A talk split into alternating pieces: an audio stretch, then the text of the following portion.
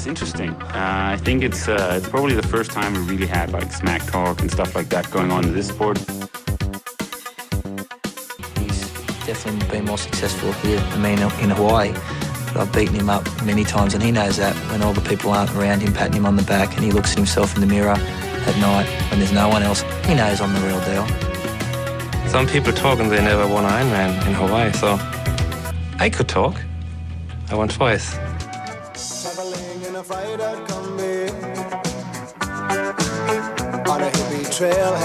Full I met a strange lady, she made me nervous. She took me in and gave me breakfast. And she said, do you come from a land down under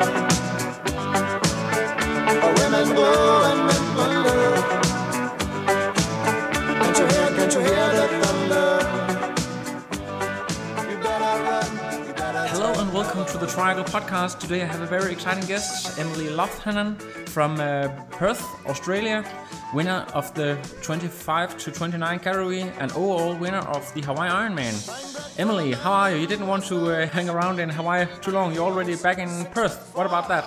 Yeah, yeah, straight home this year. I did. I spent a bit of time in Hawaii last year after Kona, so I was pretty pretty keen to head home straight away this year and uh, be around friends and family and sort of cel- celebrate back in Perth. So yeah, it was a bit of a whirlwind trip, but um, now that the journey's over, pleased to be home. Did, did you uh, go there early to prepare or is it uh, warm enough back in Australia to, to heat acclimate? Yeah, no, I actually I did get there two weeks prior this year. I wanted to do it a little bit differently.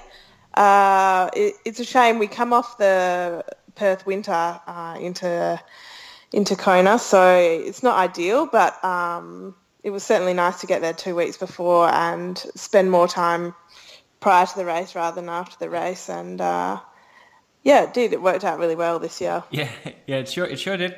Uh, last year you, you went to Kona as well, and you did fairly good, but uh, not as good as this year. How would you um, compare the conditions uh, in 2016 compared to this year? Look, I, uh, I actually think the conditions were probably tougher this year for me. Uh, um, but in saying that, it's sort of, I, I struggle to almost remember exactly, you know, how how the wind were, was like in 2016. It's, it's, it's sort of, um, yeah, it's just, it's, I can't really quite remember, but I do, I, I think it was actually, I found the conditions to be warmer this year, um, particularly on the run. Uh, but, you know, I think the biggest difference for me between 2016 and 2017 wasn't necessarily about the conditions. It was, it was more about the way I sort of approached the race this year compared to last and um, sort of mentally more than physically even how I was prepared for the race compared to the, my first attempt at Kona. So Yeah. um, yeah, it was a it was a whole different experience this year for sure. Actually, it seems like the, your splits were almost the same. You uh, you swam a little bit faster. I, I know the conditions were rough in the water this year. You swam a little bit faster last year. You you have improved im- massively on the bike. Really, uh, it's like Yeah, 15 yeah. minutes or something like that. And then, then you have the same run split. Uh, yeah, but but uh, do you feel yourself that you uh, improved something in particular uh, compared to last year, uh, training wise, or was it all mentally the way you approached the race? Oh no, most definitely training wise as well. Um, look, the, the biggest focus for me this year was the bike, um, and I, I had worked really really hard at. Um, you know, I wanted to produce a, a bike performance and a bike split that I could really be proud of, um, and sort of prove to myself more than anyone else that I that I had the potential to be a good cyclist. Um, picking cycling up four years ago, that was the newest um, thing to me. I, you know, previously I've done a lot of running and swimming, and and I just, uh, I, I guess until almost last weekend, I never had much faith myself in my ability on the bike, and so, you know, to bring bring my bike time down um, by by so much this year was just a massive achievement for me, and, and, and something that I was I was really working towards in the lead up to Kona. So I'm really really thrilled that um, you know my result reflects the hard work that I had put in on the bike. Yeah, and you use a, a power meter, or, or what? What do you use uh, when you're out there? Yeah, for the fir- actually for the first time this year, I did invest in a in a power meter. So so that was one change to my training. Um, in the lead up, I I did work a little bit more towards numbers, whereas in the past it has all pretty much been done on perceived effort. But in saying that, um, on race day, the the bike computer comes off my bike, and um, it's it's certainly the last thing I want to be looking at on race Yeah. day. So so so I do just race to effort. Um, but I think in the lead up training to, to the numbers was certainly a, a really positive addition to my training. Uh, I, I'm keen to know, um, did you expect that you will do so well? Uh, was it something you trained after? Are you a bit surprised yourself that you were actually 14 minutes ahead of the second fastest uh, female age grouper? Uh, you know, I went into the race and um, without sort of verbalising going into the race exactly, you know, how I wanted to do and where I wanted to finish. It was never about the win. It was sort of more about the process and how I was going to um, execute my race plan. But um, I knew deep down that, that the age group win was something that I was really hungry for. And but I mean, to come to come out as the overall age group winner was certainly just just a bonus on the day. And um, yeah, I guess I'm still a little bit amazed by the um, the margin of the win, but um, yeah, you know, ultimately, just really, really pleased. Because I, I've noticed that you also won the overall age group uh, last year at the 70.3, isn't that right? Back in your in yeah, Australia? yeah, that's correct. Yeah. Yeah. So in 2016, that race in uh, in Australia, so my home home soil was definitely my focus for 2016, Yeah. and um, yeah, But I don't know if the, if the comp- competition is is uh, quite the same as uh, to winning Kona. That must be uh, something very special.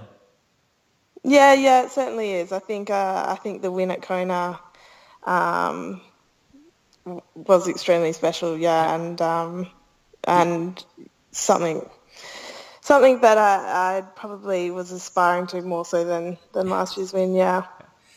Everyone know that uh, back in Australia, people are mad about triathlon. Also, New, New Zealand uh, has a lot of media reach out to you after your victory, or do you uh, do you get some attention that you are not not used to after this?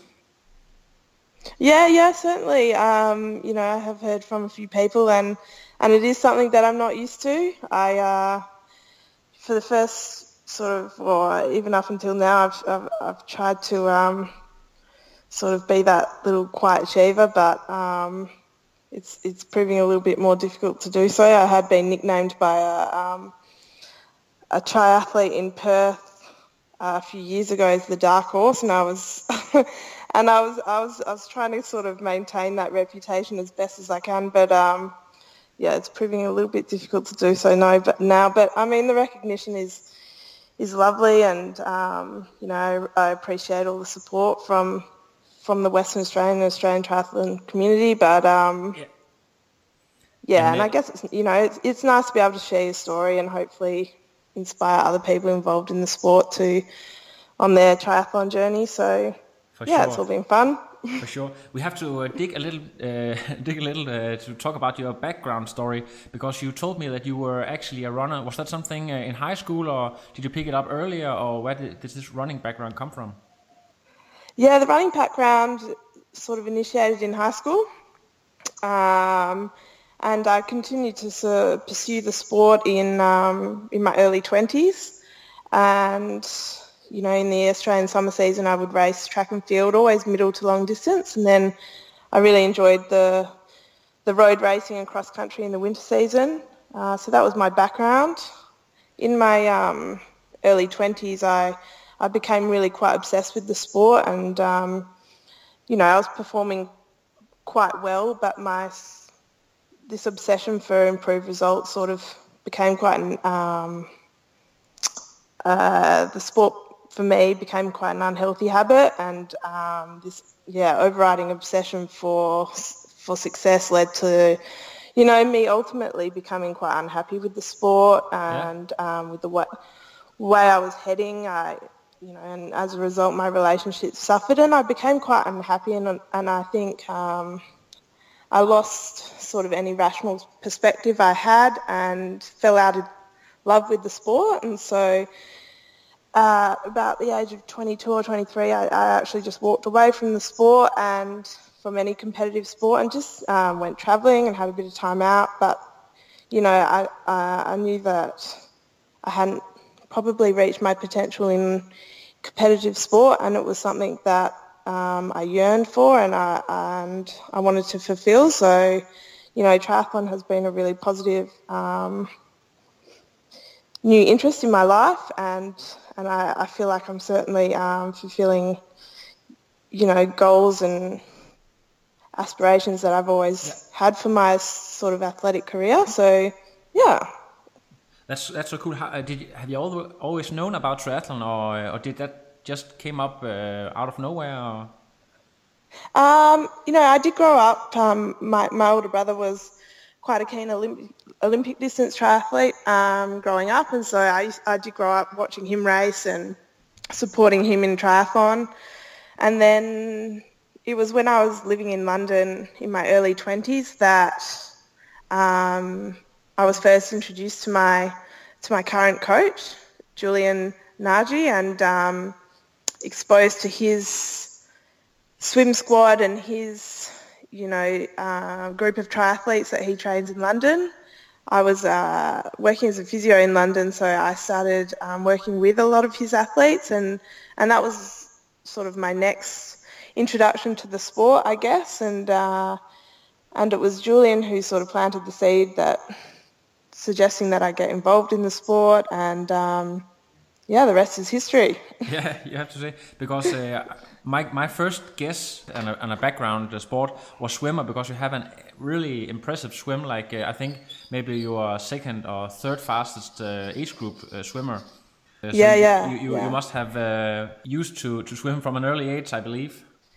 Yeah, definitely. Growing up in Australia, it was something that um, we grew up doing. Uh, uh, my parents were um, really, really encouraged um, me and all my siblings to be um, competent swimmers, and uh, we we all had to get to squad level swimming before we decided whether to continue to pursue it or not. So, and you know, I grew up um, the school swim swim team, and it's just something I did do a lot of as a junior. So for me, picking up the swimming wasn't um, wasn't too difficult, uh, and so yeah, it did it did more or less come come naturally to me as well. So yeah, fantastic.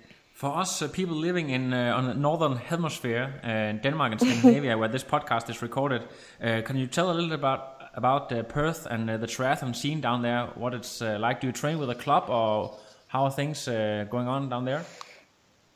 Yeah, look, um, Triathlon Western Australia is is a is a fantastic organisation, and um, the you know the governing body is then divided into the different different clubs, and um, with our membership, we are we are all also members of of a, of a local triathlon club. Uh, personally, I uh, I don't train alongside my club. I, I, I proudly represent them, but I do train more or less on my own. Um, my coach in London writes me my program um, and I follow that. I've got a group of friends that occasionally join in different sessions and then um, I do also undertake some squad swimming with um, a local Perth squad. And so depending um, on, on what one individual athlete desires, whether they prefer to do their training on their own or um, or with a club, you know, certainly most of the triathlon clubs offer a number of bike run and swim sessions a week, which which with your membership you can get involved in. It's sort of um, it just it depends what you're after as an individual athlete. But I mean the scene, the triathlon scene is is great in in, in Perth particularly and, and generally in Australia and it's it's an all inclusive sport. I think that's what I love about it. You know, there's people of all abilities participating, and um, and and it seems to be a sport that uh, really encourage, encourages that. It's a really family orientated sport, and um, you know, local races draw huge numbers, and so I think um, the triathlon organisation in Western Australia is doing great work and um, and yeah, really positive things. So, do, do, so do you have a, it, yeah, so, sorry, Emily. Do you have a number of uh, professional triathletes uh, hanging around there, or are they all uh, at the Gold Coast, or, or uh, what? Uh, look, I, I'd say you know most of Australia's top professional athletes are probably more um, on the east east coast of Australia. Um, I guess for racing, you know, they have that advantage of travelling up and down the coast for races that, um, and it, and it's just more feasible, particularly the north. Um, you know, the Queensland coast in Australia, where where the weather all year round tends to be quite warm, and so it's quite conducive to um, some really great training. Um, we do have a group of professional athletes in Western Australia who um, and you know, I think that's the other thing. Most professional uh, triathletes that that I know, they're all sort of always so willing to give back to the sport, and so you know, you do you do see them in in your community and when you're out training, which is always nice. And um, you know, I think I, I, don't feel like there's many barriers between your novice athletes and, and your professionals, and so I think that's something that the sport does really well as well. Yeah. Have you thought about uh, of your late success uh, to uh, take the jump uh, to the professional ranks yourself?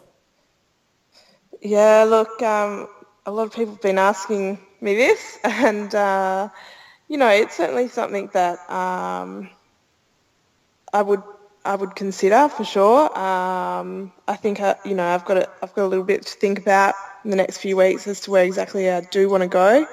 Um, I guess my result at Kona last weekend, you know, as, as much as I wanted a result like that, it, it, in a way it sort of surpassed any expectations I've ever had for myself in the sport. And so um, it, it, has caught me by surprise a little bit and perhaps for the first time I've, I've thought that maybe, you know, one day I, I potentially could be sort of in the mix with some of the professional females. And so I think I have a, a, a renewed sort of outlook on on the um, that option of going professional. So, look, it's something that uh, you know I need to think about. I've got this sort of um, relentless desire in life to do it all, to work and to train and to yeah. fit it all in. But realistically, you know, if I if I wanted to take that next step, I'd I'd want to sort of acknowledge what it would mean in terms of the, um, my other commitments and, and whether or not I was I was prepared to do that because I would uh, you know I would really like to do it properly and um, yeah so it's, it's something I'm thinking about and um, yeah for sure we'll um, ma- make a decision. talking about uh, other commitments, uh, if we're talking about a typical uh, week in the life of Emily Loughnan, uh, can you tell us about how you structure your training uh, and your work uh, slash study? Actually, I don't even know what you do for a living, and maybe you can tell us about that as well. Yeah, yeah. So I, I, work as a physiotherapist. I work in a private um, clinic in, in Perth, and so um, look, I, I probably work anywhere between 40 to 45 hours a week. Um, and then on top of that, I think, you know, around 20 hours a week of training is probably my limit to fit in around those hours of work. And um, I guess that's why I do do a lot of training on my own is it, it, it needs to work in with with my schedule and um, and it you know it does work. There's you know certainly times when I know I'm burning the candle at both ends, but um, you know that's just something that I've had to really learn as well. The importance of rest and recovery and listening to my body, and so um, and knowing that you know when when fatigue levels do get to that point that um, and you're chatting to your coach and you're completely irrational that you probably do need a rest day. Um, look, I try not to work on the weekends, and so the, the weekends were always um, prioritize, you know, my big training sessions and um, and periods of rest after those. So. Um, so do, yeah, you get up early yeah. in the morning and just uh, hammer for for one hour and a half maybe, and then uh, very effective uh, structured training, and then maybe uh, go to to your job, and then uh, come home and uh, do one hour in the pool, or is, is it is it a typical? Yeah, yeah, yeah, yeah, yeah. Typically, like you know, um, uh, most days there was a there's a couple of days a week uh, I start work at sort of six a.m. and and so then I can be out of work by four p.m. and and get in, you know, even up to three hours um, in the afternoons done on those days. Some days um, with my work, I, I I get up early and yeah, I'll do an hour, an hour and a half in the pool or on the turbo, and then go and do nine, ten hours of work, and then maybe come home and do another hour or couple two hour session as well. So um, depending on the day, um, it may be a double day or it may be just one slightly longer session in the day. So um, yeah, it just it, it just depended on my working day. I mean, I was quite I am quite lucky in my in my job that I'm more or less in control of um, my bookings when I'm seeing clients, and so I can I can be um, quite flexible. And um, you know, I always asked my, my, my coach to to sort of formulate an, an ideal sort of training program that he would feel would help me achieve my, my goals and then um, try and try and work in my work around that. And so, um, you know, yeah, it did work well, but you know, I could certainly see the, the benefit of perhaps having a little bit more um, downtime and recovery time, particularly because my job is, is quite physical and Yeah. uh, I am on my feet all day. So, um, but you know, it, it, it was rewarding all the same, and um, yeah, I, I I wouldn't have changed changed any of it. Uh, in here in Denmark, we have awful weather all year round, almost. so, so a lot of people they are big fans of uh, the turbo trainer to use some time as well. But uh, I guess you, uh, when you have uh, nice weather all year round, uh, like uh, down in Perth, you you're not a big fan of the turbo. Well, yeah, no, actually, I, I am. Um, well, my coach and and myself, yeah, we- we are big fans of the turbo. He he he comes from London, so I guess um, Yeah, that's you know almost. he, he's used to he's used to coaching a lot on the on the turbo trainer. Um, and you know, like I said, we did come off Perth winter, and you know, it's not extreme temperatures and cold like it is would be in Denmark, but um, you know, we do get a little bit of uh, rain. And um, but I think my main rationale for having done quite a lot of training on the turbo is just more um, the efficient nature of it in terms of time. You know, if I if I could roll out of bed and have my turbo set up and jump straight on the bike for you know an hour and a half and and do quite a solid session, I think um, just get a lot more out of it than than having to get out on the road. Um, so yeah, big fan of the turbo, and and I would say um, aside from my weekend riding, all of my bike sessions were done on the turbo this year. Fantastic. So, uh, do you use uh, Zwift as well, or just uh, watching some um, Netflix, or what do you do on the turbo, or just looking at your numbers, or? Yeah, yeah. Actually, just um, looking at my numbers, um, I sort of made a rule for myself that um, when I was on the turbo, I was just going to. It was just going to be me and my bike, and um, that was it. So I try to refrain from sort of any mental distraction in terms of Netflix or music or anything. Can I just try and um, you know work through the session? Um, just just inside my own headspace and um, you know just get used to treat treating every training session as as you know mental training as well and so you know when the going gets tough it, you know knowing coping strategies to to keep pushing and keep going and um, and so yeah um, look I did I did I do recall doing one uh, it was a horrible weather weekend in Perth and I did do one long sort of three or four hours, and I, I did use Zwift for that ride, long ride, which um which I thought was fa- fabulous, and um, I got a lot, out of it. So um, you, you know, in places like Denmark where where you do have to do a lot indoors, I can certainly see the benefit of using um, programs like that for sure. Yeah. You sound like the female version of Lionel Sanders. that's, No, that's, that's I'm not good. sure about that. Uh, it's almost time to wrap it up, but uh, maybe here uh, in the end, you can tell us about uh, if you have a favorite workout or something that you felt that uh, improved you from last year to this year. Some workout in particular. Yeah. You, Do you know, I think that the workout that sort of stands out to me was this double turbo day that my coach had me doing. Um, I'd wake up and do quite a, a hard sort of strength turbo session for one hour and then um, I was off to work and it was my late shift at work and so I was finishing work quite late and having to come home and hop back on the turbo to do a mixture of sort of another sort of strength speed um, session that all day at work just made me feel sick thinking about what I had to do that night. But um, I think you know my my coach had me working so hard on the bike, and and you know he just. I remember him saying to me at the start of the season that I'm just mentally and physically going to have to go to places on the bike that I hadn't been before, and um, you know that's what I did, and and it's paid off, and um, yeah, yeah, I certainly. think Yeah. I think that's certainly a standout session for me in the uh, in the Kona preparation. yeah, sounds great.